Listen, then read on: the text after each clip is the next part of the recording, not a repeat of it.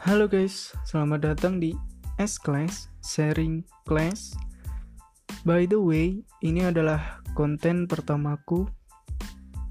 Jadi, pada segmen kali ini